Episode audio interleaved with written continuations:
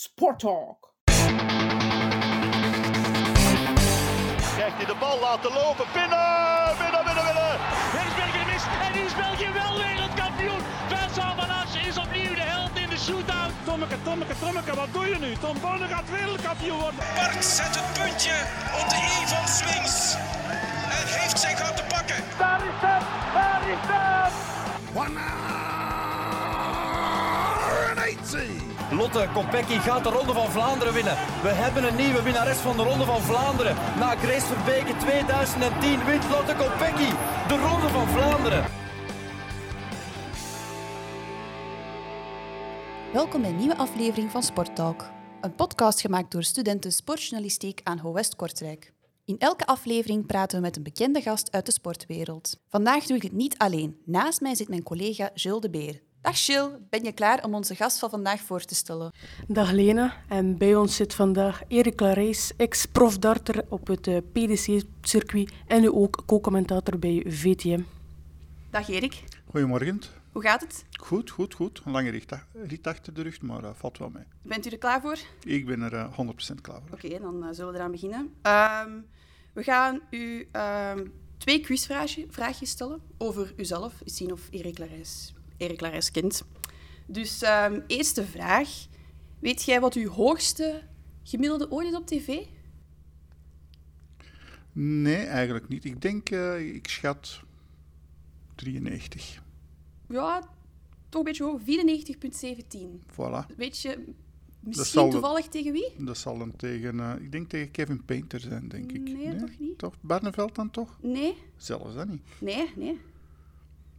Het is een toernooi dat je gewonnen hebt. Een gewoon toernooi dat ik gewoon, ja, dan zal het wel tegen Richie Burnett Ja, zijn. klopt. Ja, de Winma World 19, Masters, Ja, 1995. 1995, ja. Weet je wat, u, wat de prijsgeld was? Ja, dat was, eh, toen was eh, 7000 pond, min dan eh, tax, min dan belastingen. En dan was, stond er op mijn cheque eh, 5250 Dat is toch eigenlijk zot dat je toen maar 7000 pond won, terwijl nu bijvoorbeeld regerend wereldkampioen Michael Smith ja, bij, de WK, bij het WK 500.000 pond heeft gewonnen. Ja, tijden veranderen. Hè. En, eh, ja, in mijn tijd eh, zat de media er nog niet volledig achter. En nu eh, is het echt enorm geboomd. Vooral in Engeland is het enorm geboomd. En daar zijn gewoon, ja, dat wordt gewoon zo in de picture gebracht dat het zeer aantrekkelijk is. Niet alleen voor de spelers zelf, maar ook voor de sponsors. Ja, ja oké. Ehm, dan een tweede vraag. Je hebt eh, die bij de BDO speelde, dat kun je vergelijken met de BDC vandaag, eh, dus bij het WDF ook. Eh, je hebt daar zes titels gewonnen. Ja. Weet je welke zes? En in de juiste volgorde? Oei, in de juiste volgorde Ja. zal moeilijk zijn. Maar ik heb een paar keer Open Dortmund gewonnen. Ja. Ik heb Open Zweden gewonnen. Mhm. Ja, dan de Winma World Masters. Dat zijn er al, denk ik, drie, vier, vijf. Moet ik er nog eentje hebben? Ja. Eh, ja, die laatste, die ontglipt me. De German Gold, Cup. Ah, de Gold Cup, ja, 2006, inderdaad. ja. inderdaad ja. Eén keer gewonnen, één keer finaal gespeeld. Ja, Ja. klopt. En Inderdaad. welke was de mooiste van allemaal? Ja, de mooiste is en blijft natuurlijk de World Masters, omdat het een eh, wereldtitel is. Het is niet alleen een wereldtitel, maar het is ook bijvoorbeeld eh, dat toernooi wordt gespeeld eh, met een hele hoop verschillende landen. En elk land mag eh, eigenlijk vier spelers afvaardigen. En je moet eigenlijk eh, top vier van je land zijn om dat eh, toernooi deel te nemen, of je moet een open toernooi gewonnen hebben. Eh, vandaar dat het een heel hoog aangeschreven toernooi is. Bijvoorbeeld het wereldkampioenschap BDO, dat is eigenlijk ook een toernooi dat gebaseerd is op een ranking, maar ook een deels invitatietoernooi is. Dus soms werd er eh, gewoon, om extra landen eh, te krijgen, werd er bijvoorbeeld een Nieuw-Zeelander uitgenodigd. Eh, stel dat er geen Belg was, dat jaar werd er een Belg uitgenodigd en sowieso. Maar die Winma World Masters, dat is gewoon ja, de top vier van elk land. En dat is enorm veel deelnemers. van Amerika tot Australië, Canada, heel Europa. Al die landen waren aanwezig. En weet je nog weer bij jou zat dan, van ook extra Belgen bij jou? Ja, dat was een hele hoop hoor, want ik heb die beelden eh, eh, teruggezien. Er was uh, Lea Laurens was er bijvoorbeeld bij, Stefan Ekelaar, Bruno Raas, Arnold Paap. Bij de dames was het dan ja, Vicky Pruim uiteraard. Bij de jeugd was het dan Cindy Jonkheer en Kevin van Houtven. Dus er was wel een hele, hele hoop, een hele delegatie eigenlijk mee. Ik denk dat we met acht heren waren, vier dames en, en, en, twee junioren. Dus dat is een hele hoop eigenlijk. Dus dat wil dus zeggen, uh, als je acht heren mag afvaardigen, Als je maar vier van je land, de eerste vier van je land, wil zeggen dat die vier andere spelers een open toernooi gewonnen hebben. Dus dat die hoog op de ranking stonden. Dus het niveau was eigenlijk enorm hoog op dat moment in België. Uh, in België, in België, België was eigenlijk altijd uh, de voortrekker uh, in vergelijking met Nederland. Wij waren tot een bepaald punt altijd voor op Nederland. Als we onderlinge confrontaties deden voor, ja, voor 1995, waren wij altijd, meestal altijd de betere. En toen kwam er een, een persoon in de naam Raymond van Barneveld, die werd wereldkampioen. En toen is het gewoon geboomd in Nederland. Ehm, enorm veel uh, ja, jeugdopleiding werd er ingestoken. Uh, bijvoorbeeld in Nederland had je dan uh, dartsscholen dat je kon doen. Dus hier hebben we ook sportscholen, maar darts staat niet op de kalender. In Nederland is dat wel. Dus die staan ongeveer een 20 jaar, 25 jaar voor ten opzichte van België. En hoe kun je ervoor zorgen dat wij België terug gelijk staan met Nederland? Ja, hetzelfde als Nederland. Hè. Een, een, leuke prestatie neerzetten. Uh, de media die er blijven achter staan. Deze podcast kan bijvoorbeeld helpen uh, dat er uh, andere nieuwe namen getriggerd worden om het spelletje te spelen. elke nieuwe speler zou wel eens de nieuwe Kim, nieuwe Dimitri of misschien wel de nieuwe Erik Clarijs kunnen worden. Zijn er namen die je zegt van die zullen volgens mij wel doorbreken?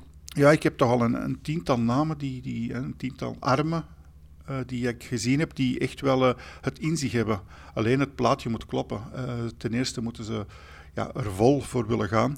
Vol voor willen gaan wil zeggen ja, minstens een uur, twee uur per dag oefenen, trainen. dat is al niet, niet, evident. En de tweede is het kostenplaatje. Het kostenplaatje is enorm hoog eigenlijk om, om deel te nemen. En die moet je ook een deel voor jezelf dragen. Uh, wij kunnen wel stimuleren, wij kunnen wel sponsors aanbrengen, maar een deel moet je toch zelf uh, investeren in jezelf. En het is meestal daar, niet alleen nu, maar dat was in het verleden ook het struikelpunt. Uh, als je weet, mijn carrière, je had misschien in België 10, 15 goede spelers. En van die 15 goede spelers gingen er maar twee internationaal, was ik en Stefan. Dus, dat, dus daar wringt het schoentje meestal, het financiële plaatje. En ja, waar is het eigenlijk voor u allemaal begonnen? Ja, in het café. Hè. Dus mijn tante die had uh, een café in, eh, in Berchem. En uh, ik ben op 16-jarige leeftijd begonnen, 1984. Um, konden wij voor de eerste keer in Antwerpen de BBC ontvangen. En dat was net het einde van het jaar. En het, einde van het jaar is het altijd het 2K. Dus dan werd dan opgezet in het café. En we vonden dat enorm leuk. we hebben dan zelf een bord opgehangen. En dan uh, ja, ben ik beginnen oefenen. En uh, van in het begin had ik wel de indruk dat ik uh, aanleg had. ik had wel een voorgeschiedenis van het klein blokje, dus, dus de, ja, de vogelenpiek, zoals ze zeggen. Dus waar je enkel naar de roos moest gooien. En ik kon mijn pijlen heel goed bij elkaar houden, heel goed groeperen. En als ik dan de overstap maakte naar het dartsbord, merkte ik dat het ja, vrij snel goed ging. Neem daar nog eens bij dat ik enorm, enorm goed kan rekenen. Dat is altijd een pluspunt. Was er ook meteen ambitie om dan de hogere stap te zetten? Ja, onmiddellijk, onmiddellijk. Dus ik heb uh, eigenlijk van het eerste moment uh, direct tegen mezelf verplicht van uh, ik ga proberen in deze sport zo ver mogelijk te geraken wat ik kan. En ik heb bijvoorbeeld het eerste jaar, een jaar aan een stuk, elke dag, elke dag, acht uur getraind. Ik was wel 16 jaar. Ik, ik, ging naar, naar, nog naar school en dan is dat wel, wel iets makkelijker dan wanneer je een, een, een gezin hebt, bijvoorbeeld. Is dat niet vrij intens, acht uur per dag? Dat is een keuze, hè. Dat is een keuze. Of je zegt, ik blijf uh, rond de kerktoren gooien en ik heb geen ambitie. Of je zegt, ik wil uh, wereldkampioen worden en ik doe er alles aan. Ja. Dat is een ingesteld van die je zelf hebt. Uh, bijvoorbeeld Sven Nijs in het veldrijden. Die heeft ook alles opzij gezet om zo goed te presteren. Dus eigenlijk je, kan je concluderen als je hebt talent nodig, maar vooral de training is enorm belangrijk. Ja, talent, dan, talent je eigenlijk een klein beetje onstabiel. Wat dus wil zeggen, je speelt een goede leg, een, slecht, een minder goede leg, een goede leg, een minder goede leg. Als je traint, worden die legs stabieler. Dus dan wordt die... Ja, darts, je kan darts vergelijken met een curve. Een curve die op en neer gaat. En het is de kracht, de kunst eigenlijk om die curve zo plat mogelijk te krijgen. Die, die curve zo plat mogelijk te krijgen, uh, krijg je gewoon met, uh, met training. En dan is het gewoon de kunst om die curve zo hoog mogelijk te trekken. En als je hebt waarschijnlijk al tegenslagen gehad in jouw carrière, hoe raak je daarover? Ja, door terug uh, knopje om te draaien en de volgende dag terug gewoon aan dat bord gaan staan. Helemaal op je eentje. Ehm, steeds blijven geloven in jezelf. Als je op dat dartsport, uh, op de training enorm goed bent, dan vroeg of laat komt dat er toch uit. En wat zijn ja, voor, voor u uw beste momenten in uw carrière? Mijn beste momenten zijn natuurlijk, ik heb uh, vier Belgische titels behaald. Mijn eerste Belgische titel, dat was natuurlijk een, uh, ja, fantastisch gegeven. Uh, ook bijvoorbeeld mijn eerste groot toernooi. Groot toernooi toen, daar stond een prijzenpot op. dat was in vergelijking met nu belachelijk weinig, maar toen als, als er een toernooi was waar 10.000 Belgische frank werd verdiend, was dat een, een, een groot toernooi. En mijn vader, dus ik was net 18 jaar geworden, en mijn vader zei, ja, wel, als je eens een groot toernooi wint, dan gaan, we, gaan we een auto kiezen. Dan mocht ik een auto gaan kiezen. En ja, twee, twee, drie weken later speel ik een groot toernooi. En toen speelde ik tegen ja, de winnaar, uh, tegen de finale, tegen Johnny DeLay. Die op dat moment een van de betere spelers in België was. En ik won die wedstrijd en uh, ik wandelde naar buiten. Toen nog, was er nog geen gsm. Ik kwam naar het eerste beste telefoonkotje binnen. Want, uh, telefoneerde naar mijn vader. Ik zeg, morgen zijn we weg. En dan heb ik ja, een auto mogen kiezen. Zijn dat dan de momenten waarop je beseft um, het harde werk loont eigenlijk? Tuurlijk, tuurlijk. Dit zijn, het zijn zulke momenten die, die als, je, als je de training kan overbrengen naar uh, wedstrijden waar je dan enorm goed presteert, het zijn dan die momenten dat je zegt van wel, ik heb het in me en ik kan misschien nog verder geraken. Ja, en dan, ja, helaas heb je dan die val gehad van die trap. Je hebt daarna wel nog geprobeerd om toch nog verder te kunnen? Uh, ik heb, uh, ja, ik heb uh, ja, zoals in alles, ik ben, als, ik, als ik iets doe, ben ik maniacaal. En ik heb ja, ongeveer een drie jaar met links geprobeerd. dat eerste, die eerste momenten, kan je verzekeren. wat was dat, eerste momenten? Dat was gewoon een tennisballetje nemen, op de zetel liggen, tegen de muur gooien en proberen dat tennisballetje terug in de arm, in de hand te krijgen. Uh, die eerste dagen had ik uh, rondom mij ja, 30, 40 tennisballen liggen over heel uh, mijn living. Maar dan na een week of twee had ik gewoon nog maar één tennisbal waar ik dan drie uur in de zetel lag. En ik gooide die drie uur gewoon terug in mijn arm, in, mijn hand. En dan ben ik beginnen oefenen. En ik moet zeggen dat dat redelijk ging. Redelijk ging. Dus na drie maanden tijd gooide ik mijn eerste 180 bijvoorbeeld. Um, op het laatste gooide ik af en toe wel eens 12 pijlen, wat enorm hoog is. Dat is bijvoorbeeld 125 gemiddeld. Um, maar ik heb nooit, nooit meer dat gevoel gehad dat ik in mijn rechterhand had. Um, als ik de vergelijking kan maken, die pijl als die in uw rechtse hand ligt, dan is dat een verlengstuk van uw hand, van uw arm eigenlijk. En in uw linkerhand is dat gewoon een stuk ijzer. Daar kan ik het gewoon het beste mee vergelijken. Dus ik je hebt daar geen gevoel in. Het klinkt gek dat je in die pijl een gevoel kan hebben, maar het is zo kwam het idee meteen om naar die linkerhand te wisselen dan? Of was het eerste moment van ik ga stoppen? Nee, nee. Ik, uh, ik heb eerst alles geprobeerd. Dus ik heb bijvoorbeeld eh, twaalf uh, keer laten opereren aan mijn arm. Ik heb daar experimentele uh, operaties laten doen. Dus ik heb mijn hand laten zetten in de operatiezaal onder plaatselijke verdoving met de pijl in de hand. Dat mijn hand perfect op de worp staat. Dus als ik mijn arm uh, ja, flex-extensie zou genoeg hebben, dan zou ik kunnen gooien. Perfect. Alleen ik heb gewoon geen uh, ja, flex-extensie meer, dus ik heb gewoon ongeveer maar 10, 15 procent. En dan zijn we ondertussen dan ja, 23 maanden verder. En dan krijg, komt het besef van ja, rechts lukt niet meer, totaal niet. En dan, ja, dan wou ik het links proberen. Ik had altijd gezegd, als ik uh, met die linkse arm ongeveer 80% kan gooien van die rechtse arm, dan ben ik nog altijd top van België. En, en ik, ik denk wel dat ik uh, daar had geraakt, maar op een gegeven moment uh, sta ik thuis te oefenen. En ik gooi naar het bord en ik gooi 180 met die linkse, wat regelmatig gebeurde. En ik ga terugstaan en ik gooi terug 180 en ik roep tegen mijn vrouw. Ik zeg, uh, ik denk dat ik er ben, ik denk dat ik het gevonden heb. En ik ga terugstaan en ik wil die derde beurt gooien. En mijn arm blokkeert volledig. Dus, uh, blokkeert volledig. dus ik kon mijn, mijn, mijn linkerarm niet meer, uh, die pijl niet meer gooien naar dat bord. En het is een, een fenomeen dat noemt uh, dartitis in, in de sport. En dat wil zeggen dat je, dat je hoofd eigenlijk blokkeert en dat je arm gewoon niet meer wil.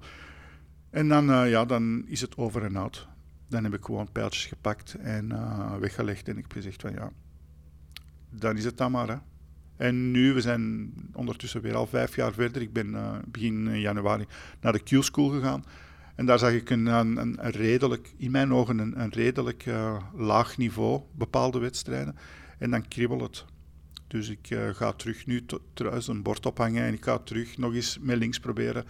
Maar ik ben er wel van bewust. Ik denk dat ik weer op een punt ga komen dat ik redelijk goed ga zijn en dat mijn hoofd misschien weer gaat blokkeren. En dat is eigenlijk ja, iets waar ik uh, het meeste schrik van heb.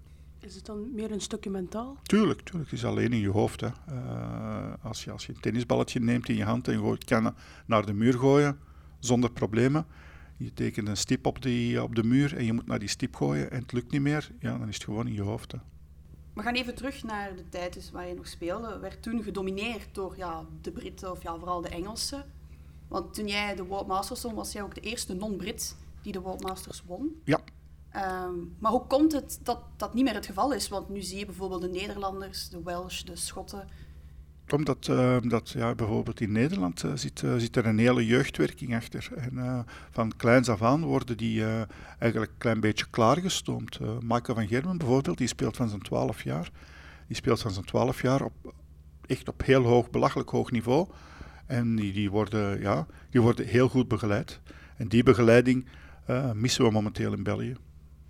De PDC probeert dat ook wel met verschillende toernooien in verschillende landen. Dus ze willen echt wel dat die darts boomt. Ja, tuurlijk, tuurlijk. Ze willen, het, het is aantrekkelijk. Hè? Dus, uh, dus als, je, als je als leek zijnde en je zapt uh, die gaten posten af en je komt toevallig eens darts tegen, je blijft hangen, want je bent getriggerd. Want elk, elk moment kan er iets gebeuren. In voetbal dat kan goed zijn dat je 15 minuten niet ziet. Maar in darts, elke leg kan er bijvoorbeeld een 180 uh, vallen. En als je een 180 gooit, ja, dan wordt die, die, die mastercaller die wordt gek. Uh, je, hebt een, je kan een 170 uh, check-out doen, dus de big fish. Dus elke leg kan er wel iets gebeuren. En, elke, en de, wedstrijden, die, de meeste wedstrijden zijn niet eentonig. En je hebt altijd wel kantelmomentjes. En dat is wat het heel leuk maakt. Ja, want maar vroeger waren er maar, ik zal maar zeggen, vijftal spelers die zo'n gelijk een filter echt er bovenuit staken. Nu zijn er meer dan 30 die. Ja, ik, ik zeg altijd, ze, ze, stellen mij dikwijls de vraag van is het niveau uh, nu uh, veel beter geworden dan vroeger? Dan zeg ik altijd nee, eigenlijk niet. Het is niet veel beter uh, geworden. Ze gooien nu geen 120 gemiddeld. Ze gooien nog altijd maar rond die 100. Maar ze gooien nu rond die 100 gemiddeld. Alleen in vergelijking met vroeger. Vroeger had je ja, een, een, een, een top, top 5, een top 8 spelers die, die, die 100 in de arm hadden. En nu heb je van de 128 die deelnemen aan een vloertoernooi, heb je 120. Dat is het verschil. Alleen, ze gooien nu geen 120 gemiddeld. Dat is, dat is, uh, dat is ondenkbaar. Dus nu zijn er wel wedstrijden waar ze af en toe een paar legs achter elkaar ja, 114, 115 gooien, zonder problemen. Alleen, als het einde van de rit is, komen ze nog maar aan die 103, 104. Maar het is natuurlijk, die 100 dat is een barrière. Uh, alleen er zijn nu veel meer spelers die die 100 in de arm hebben. Gaan we ooit nog die 120 gemiddeld terugzien, denk je?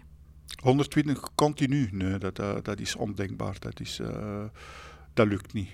Dat lukt niet. Dat lukt misschien, misschien een leg of 5, 6. Maar dan ga je één leg, ja, een pijl of 6, 7 missen op de dubbel. En dan, wordt je gemiddeld, dan keldert je gemiddeld enorm, enorm hard. Dus uh, 120 gemiddeld, um, dat is echt wel heel, heel uitzonderlijk. Er zijn wedstrijden hoor, die 120 gemiddeld hebben, want ik denk dat het hoogste gemiddeld 123 is.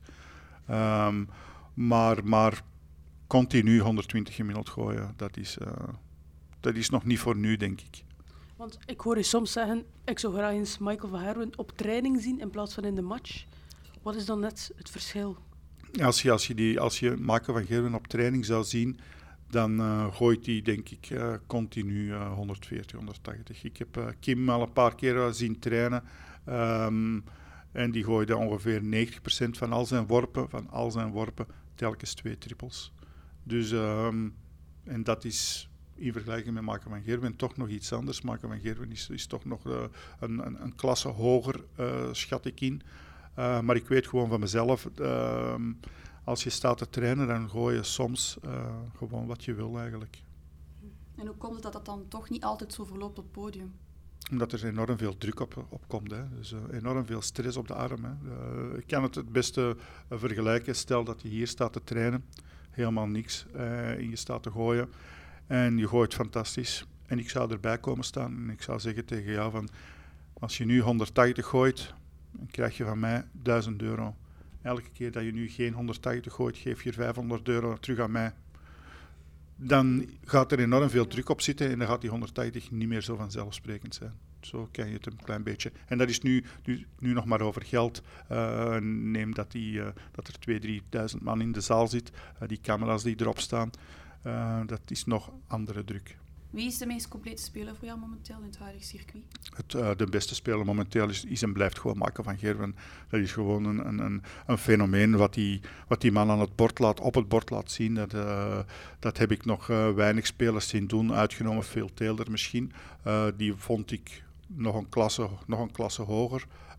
maar Michael van Gerwen momenteel is enorm, enorm, enorm sterk.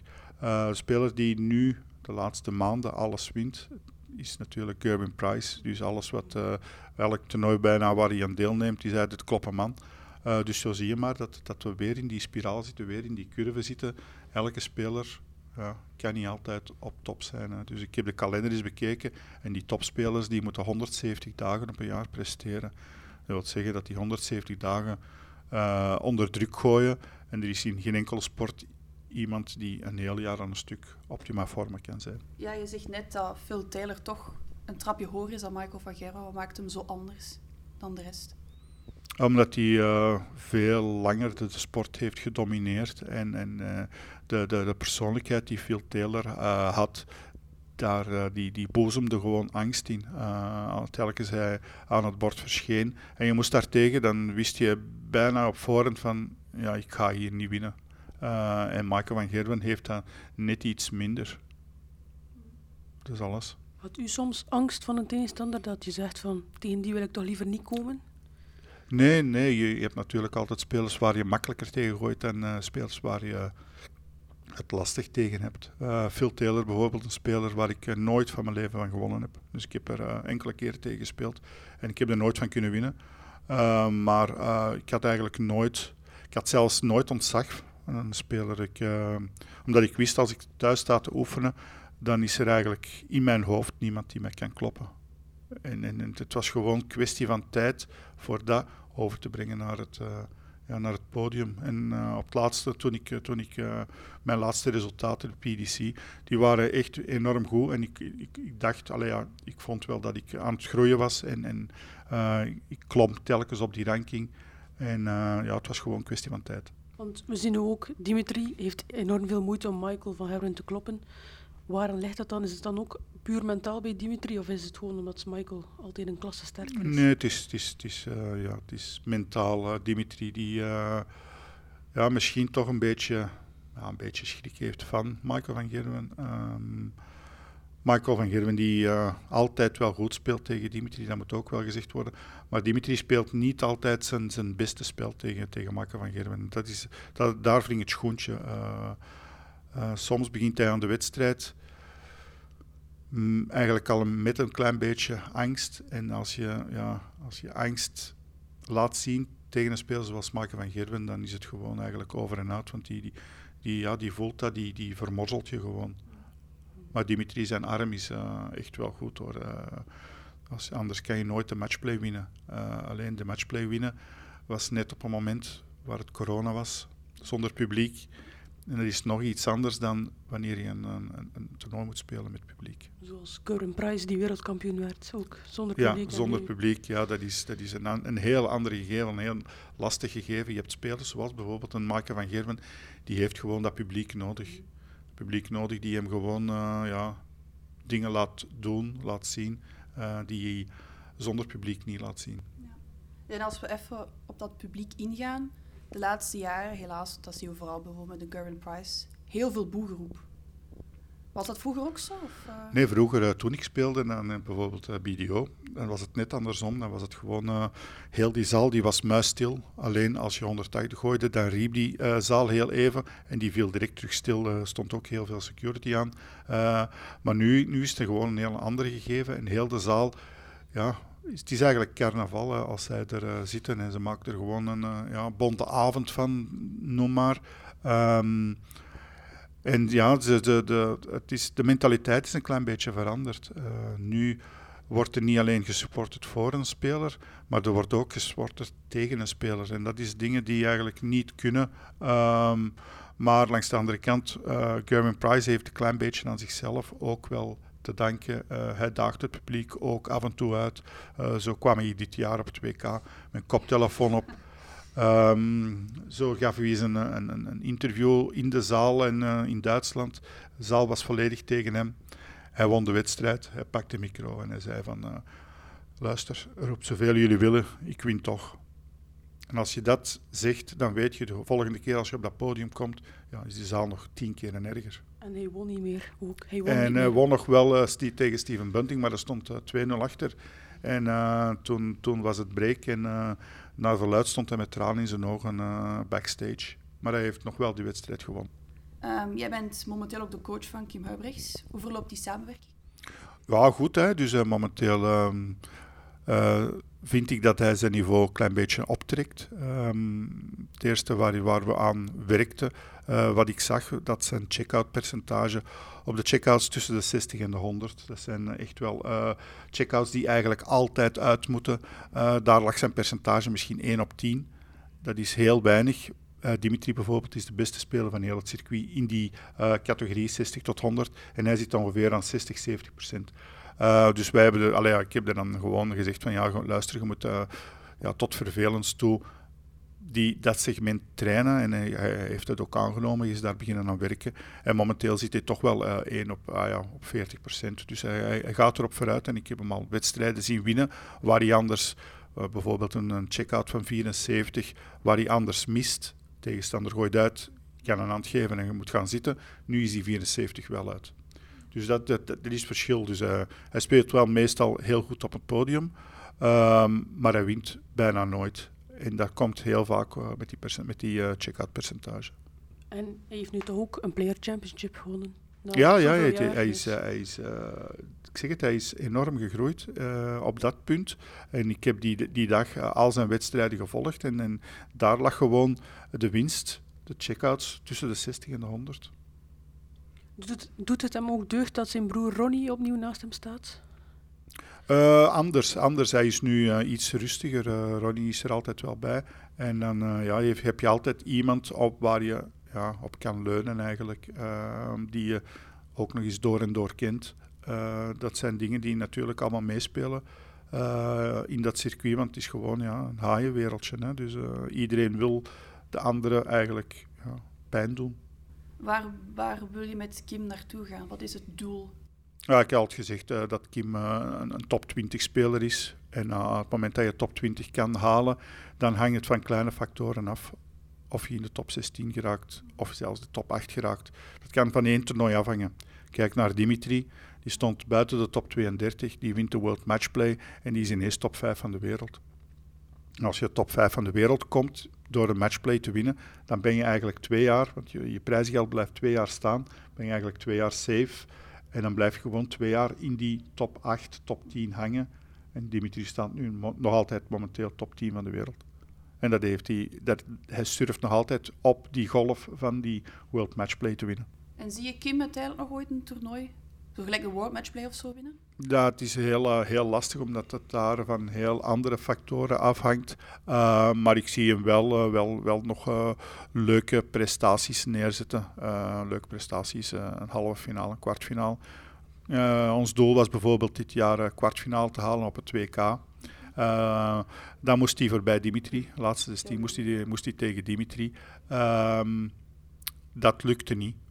Dimitri was gewoon op dat moment mentaal sterker. Uh, als je 4-0 krijgt, dat heeft niks met de arm te maken. Het is gewoon in je hoofd, mentaal. Uh, je, komt 1-0 achter. Tweede set uh, sta je op 79. Je mist die 79, dat wordt 2-0. Ja, en dan, is het, dan begint dat in je hoofd te spelen. Het moment dat je begint, iets begint na te denken, ja, is de wedstrijd gespeeld. Was het toen ook geen factor, omdat hij Dimi ook zo heel goed kende? Speelt dat ook een rol? Als, ja, tuurlijk speelt, het, speelt dat mee. Hè. Dus je mag niet vergeten dat, dat Kim ja, zes, zeven jaar uh, nummer één van België. Uh, telkens werd naar voren geschoven in de PDC. En nu komt er een, ja, het is geen jonkie, maar komt er een andere, andere speler en die, die door één toernooi te winnen, komt die, wordt hij ineens gebombardeerd tot nummer 1 van België. En daar moet, je, daar moet je mee kunnen omgaan. En dan moet je gewoon de knop kunnen omdraaien. En daar heeft uh, Kim het ook wel moeilijk mee. Had je ook zo iemand in jouw tijd die opkomend talent was, dat je zegt van die gaat het zeker maken? In mijn tijd, ik heb het er straks gezegd, in mijn tijd uh, waren er ongeveer een, een 10, 15 spelers die, die uh, mijn arm waar, waardig waren. Alleen, uh, zij gingen er niet voor, zij deden het niet. Dat is het verschil. Dus, als ik naar een toernooi ging, bijvoorbeeld Open Finland, dat was altijd op mezelf of met Stefan Ekelaert. Dus we waren altijd maar met z'n tweeën, drieën maximum. Um, dan had ik een andere koppelmaat, Tanguy Bora, waar ik enorm veel toernooien mee speelde. Dus die ging ook af en toe mee. Maar dat was gewoon uh, ja, een klein krantje eigenlijk. Was je vaak weg van huis? Um, ik heb ongeveer 15 jaar topniveau gespeeld. En dan was ik ongeveer een uh, 40 weekenden per jaar weg. En wat doe je dan? Want dan ben je vaak alleen ook, voor Ja, ja, in het hotel. Hè. Hotel, ja. naar de zaal, oefenen, trainen. Uh, toernooi gedaan, terug naar het hotel, iets eten. Ja, eenzaam bestaan. Um, heb ik spijt van, ja, ik heb maar van één ding spijt, uh, dat ik mijn kinderen niet heb zien opgroeien. Dus ik heb twee kinderen en ik heb die uh, niet zien opgroeien. Dat is het enige waar ik spijt van heb. Uh, zou ik het terug doen? Onmiddellijk. Onmiddellijk. Er is geen, geen voldoening als je ergens binnenkomt en je wint een toernooi. Er is niets met niets dat je kan vergelijken. Je bent dan op dat moment de beste van de dag op dat toernooi. En jouw kinderen, zit daar talent in? Of willen ze dan niet? In, uh, in de dochter, daar zat, wel, daar zat wel een beetje talent in. Maar ja, dat is dan weer het vrouwelijke uh, aspect. Dus uh, vrouwencarrière staan nog op een lager pitje in België als, als de heren. En, en, zij heeft er nooit volledig voor gegaan. Ze had de interesse niet. De zoon, die gooit redelijk. maar die heeft dan niet het karakter wat ik heb. Om bijvoorbeeld, uh, als ik tegen hem zeg van ja, als je ergens wil, ge wil geraken, ja, moet je minstens twee, drie uur per dag gooien. Ja. ja. Als, je, als dat dan niet gebeurt, ja, dan moet je niet verwachten dat je, dat je zaterdag, als je zaterdag een toernooi gaat spelen, dat je fantastisch gooit. Ja, en over het vrouwendarts gesproken, hoe komt dat dat hier bijvoorbeeld in België, er is zelfs geen sprake van, denk ik, of... Ja, er zijn wel enkele dames die uh, enorm goed presteren op lokaal niveau. En dat heeft gewoon te maken, ja, de dames die blijven bij de dames spelen.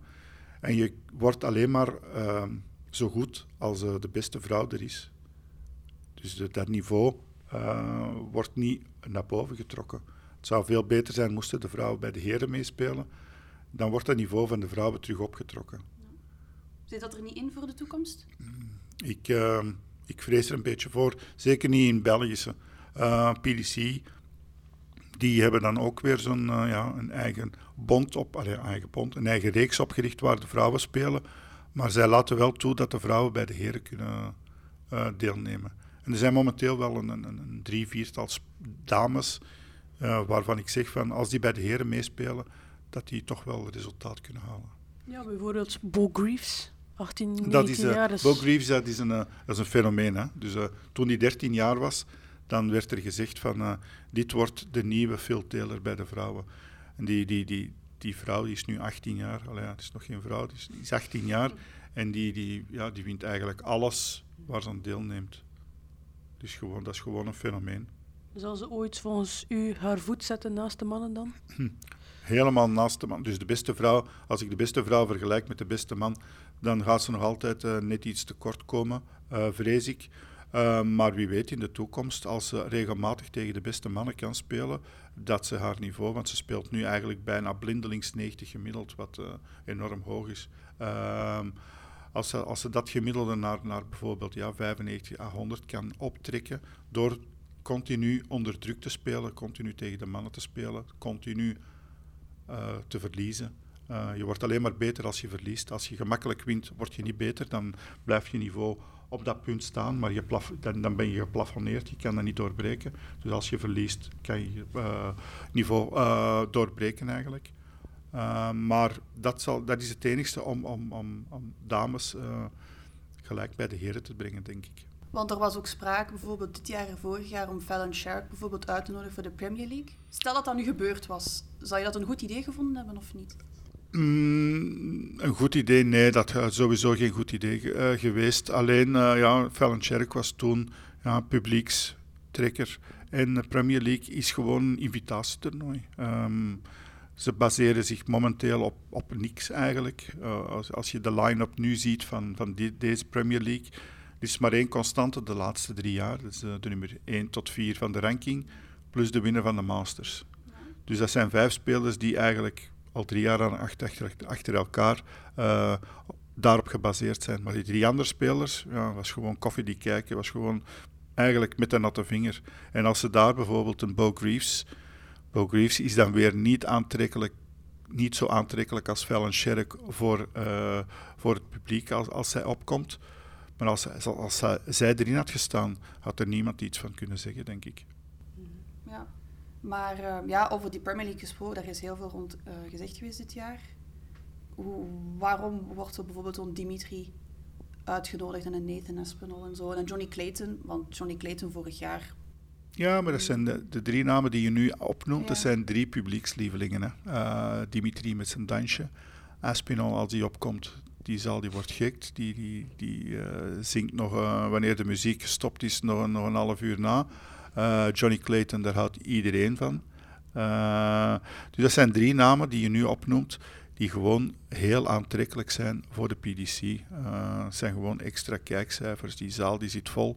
Um, er zijn spelers die misschien even goed gooien, zoals bijvoorbeeld een Danny Noppert, maar die dan een grijze muis is. Dus die het publiek dan niet zo graag ziet spelen. Rob Cross ziet het publiek ook niet graag spelen, alhoewel dat hij enorm hoog staan. Luke Humphries, uh, speler die, die top 5 van de wereld staat, die 4 Eurotours wint, die eigenlijk ja, altijd, altijd in die Premier League had moeten staan. -hmm. Maar die zou waarschijnlijk niet aantrekkelijk geweest zijn voor de PDC. Uh, neem daar nog eens bij dat hij net vader is geworden. Misschien heeft hij zelf afgehaakt. Misschien had hij zelf achter de schermen heeft gezegd van luister, mij moet je dit jaar niet uit uitnodigen. Nodig mij maar volgend jaar uit. Dat kan allemaal. Wordt uh, niet zo gek veel over gecommuniceerd. Ja, Rob Cross bijvoorbeeld heeft al publiekelijk gezegd, Rob wij Cross die, niet uitnodigen. Voilà, voor Rob Cross die zei gewoon, uh, ja, voor mij hoeft het niet. Vind je dat er te veel wedstrijden zijn momenteel? Um, voor, de, voor de spelers niet, hè, want het, het is nu uh, aantrekkelijk. Hè, dus ja. zelfs niet uh, in mijn tijd de top 10 van de wereld, die kon ervan leven. En nu als ik zie de top 50, ja, die moet in feite niet gaan werken. Hè. Kim bijvoorbeeld, die staat rond de, rond de 30ste plaats. En die verdient op twee jaar tijd 150.000 pond. Dus 75.000 pond per jaar, dat heb ik niet. ja, nee, maar er zijn toch spelers. Vroeger, Johnny Clayton combineerde zijn ja. dartscarrière met zijn job. En dat heeft hem nu opgegeven. Heeft hem nu opgezegd en, en, en momenteel uh, draait het net iets minder. Hè, omdat je gewoon uh, die structuur ben je kwijt. Hè. Dat, uh, dat dag in dag uit werken fysieke arbeid, uh, moet dat niet onderschatten. Als je altijd fysieke arbeid levert, dan neem je dat mee op het bord. En als dat wegvalt, dan vallen die spieren ook een klein beetje weg. Uh, nogmaals, die structuur valt weg. Hè. Telkens elke dag af, opstaan om, om vijf uur om te gaan werken, s'avonds een beetje trainen. Nu uh, ja, sta je op wanneer je wil. Heb je geen zin, ja, blijf je liggen in je bed en ga je niet trainen. Vroeger had je dat niet, moest je. Uh, dus dat is een heel, een heel andere druk. Vroeger had je nou ook nog eens, als je gaat werken, heb je sowieso loon. Je sowieso inkomsten. Nu uh, ben je profdarter en hang je af van je prijzengeld. Uh, presteer je niet, ja, bij wijze van spreken, eet je box met choco. Uh, dus dat zijn allemaal dingen die meespelen. Stel dat je nu nog zou spelen of binnenkort terug gaat spelen. Zou je dat zelf combineren met werk of denk je ook verdienen? Uh, nu, nu niet meer, maar vroeger had ik sowieso blijven werken. Ik, uh, ik heb altijd fysieke, zeer zware fysieke arbeid gedaan. Dus ik ben er altijd van mening geweest. Uh, als ik volledig mij had toegelicht op het darten, zou ik beter geworden zijn. Ik ben van mening van niet, omdat ik denk ik die fysieke arbeid nodig had.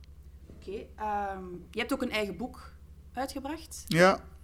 Uh, Just Darts, dat gaat dus ook, je geeft dus uh, tips qua techniek, tactieken.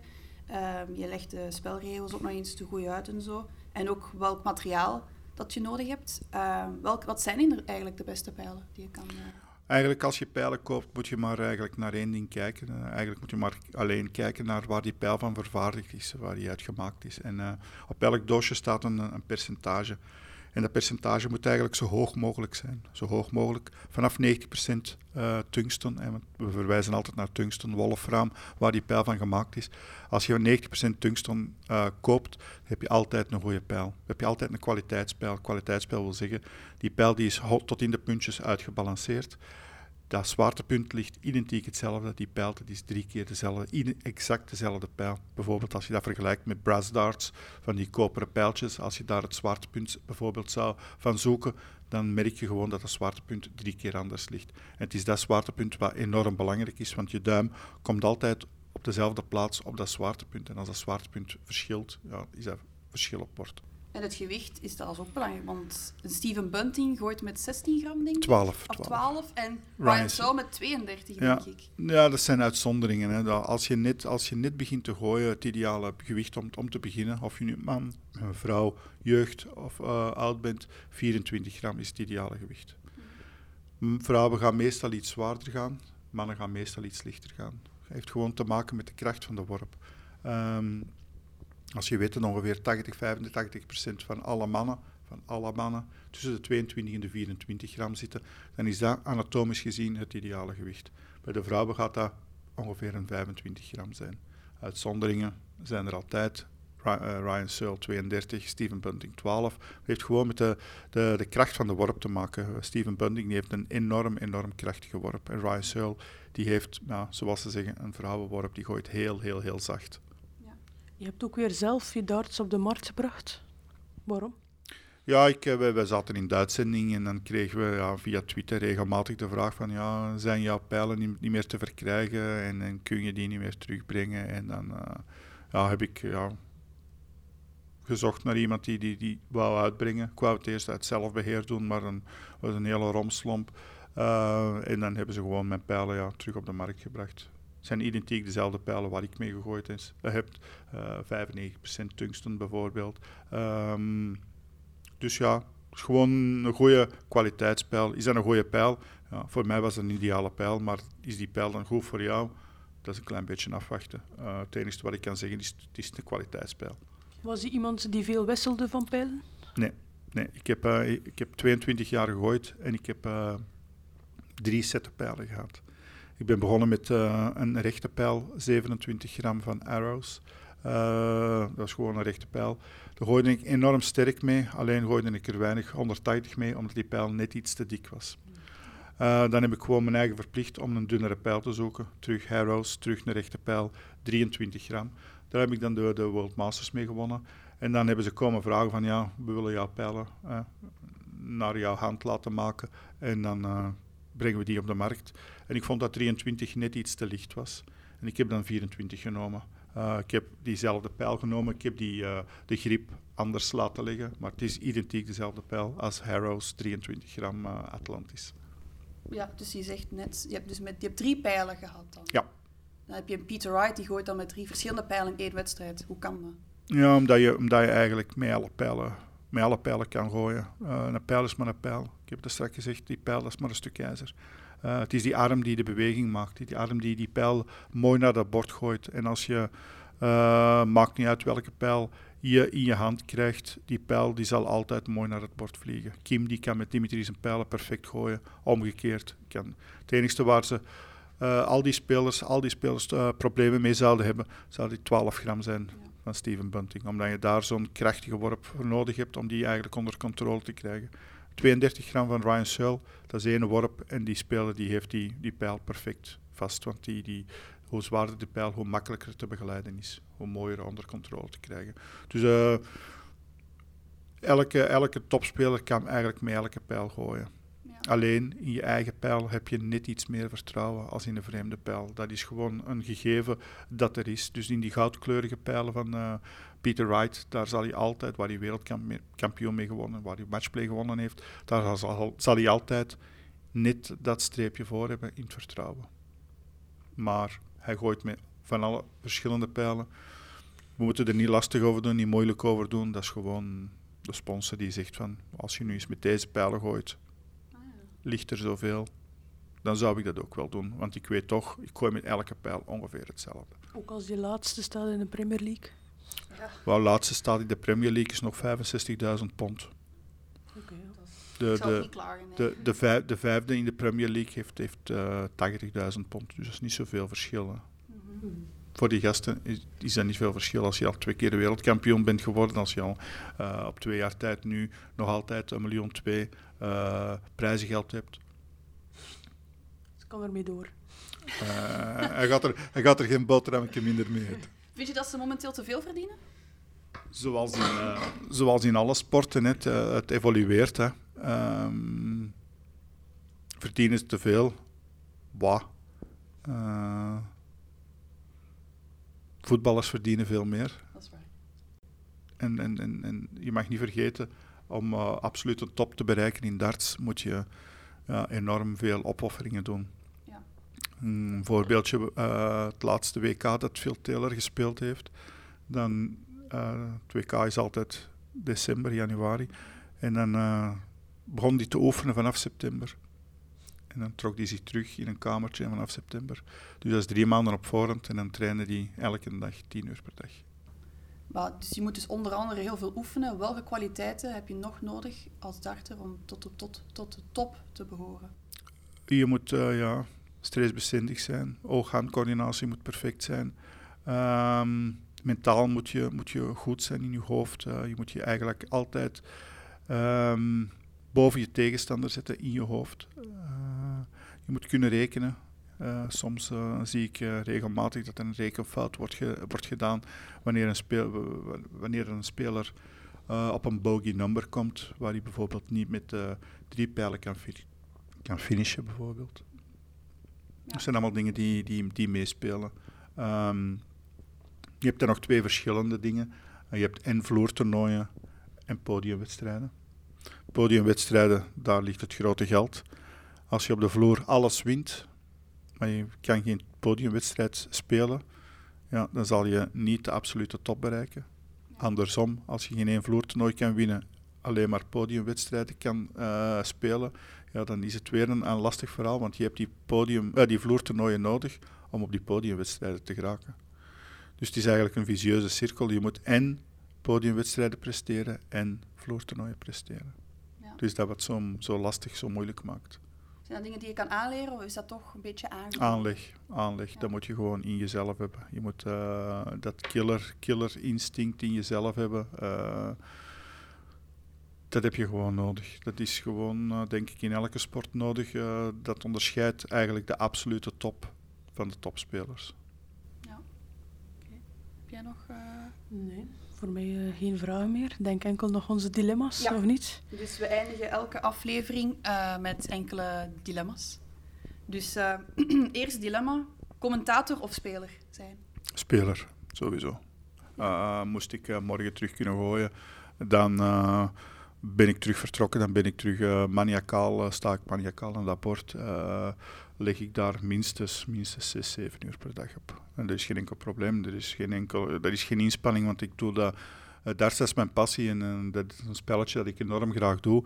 En als je iets enorm graag doet, dan, ja, dan geen inspanning te veel. Net zoals jullie hier uh, uh, journalistiek doen, beoefenen. Als dat jullie passie is, dan, ja, bij wijze van spreken, mag je hier tot, tot 6, 7 uur s morgens werken.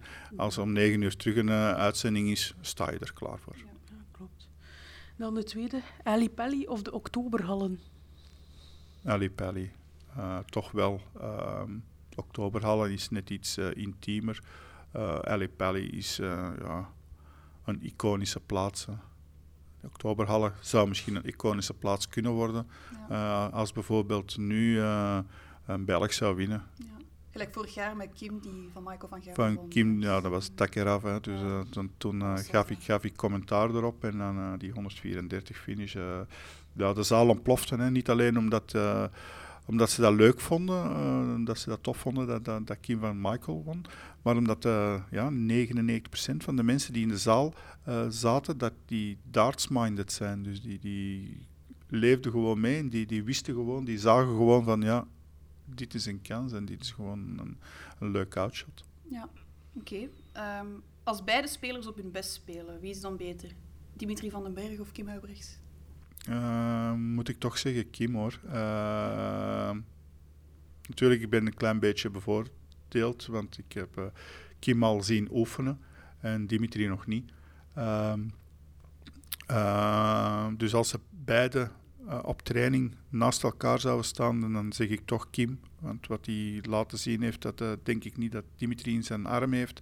Alleen Kim, Dimitri op een podium tegen elkaar, dan gaat het richting Dimitri uit. Omdat hij net iets ja, beter presteert dan Kim. Dan twee spelers die vaak verleken worden: Phil Taylor of Michael van Herwen. Ja, Phil Taylor sowieso. Het is een speler die ik heb meegemaakt, een speler waar ik ehm, ja, heel veel tegengekomen heb. heb hem regelmatig zien trainen. Ehm, ik kan u een voorvalletje zeggen. Uh, wat, wat, ik veel Taylor heb zien doen en, en, dat ik Michael van Gerwen nog niet zien doen. Uh, op een gegeven moment sta ik op het toernooi te, te oefenen en uh, Phil Taylor stond naast mij te trainen. En ik denk van, wauw, kan eens kijken wat die, wat die man eigenlijk allemaal presteert op dat bord. En die gooide zeven keer achter elkaar 180. En ik pakte mijn pijltjes, ik wandelde rustig, rustig richting, richting Toog en ik heb daar iets gedronken. Ik zeg, ja, het zal niet voor mij worden vandaag. Oké, dan uh, ons laatste dilemma. Koude of warme appelmoes? Koude. Waarom? Oh, wij, wij, wij aten vroeger konijnen met, met, met, met appel, uh, konijn met appelmoes en dat was altijd koud, het was nooit warm. Oké, okay, dat was ons laatste dilemma. Dan uh, kunnen we afsluiten. Dan uh, gaan we u heel erg bedanken. Mm, graag gedaan. Een zeer interessant interview. En ehm, hopelijk zien we binnenkort dan terug aan het dartbord. Hè? Ja, het zal nog een paar jaar duren, denk ik. Maar je zal me wel zien uh, als ik commentaar geef. Oké, okay, succes. Dank, Dank u wel.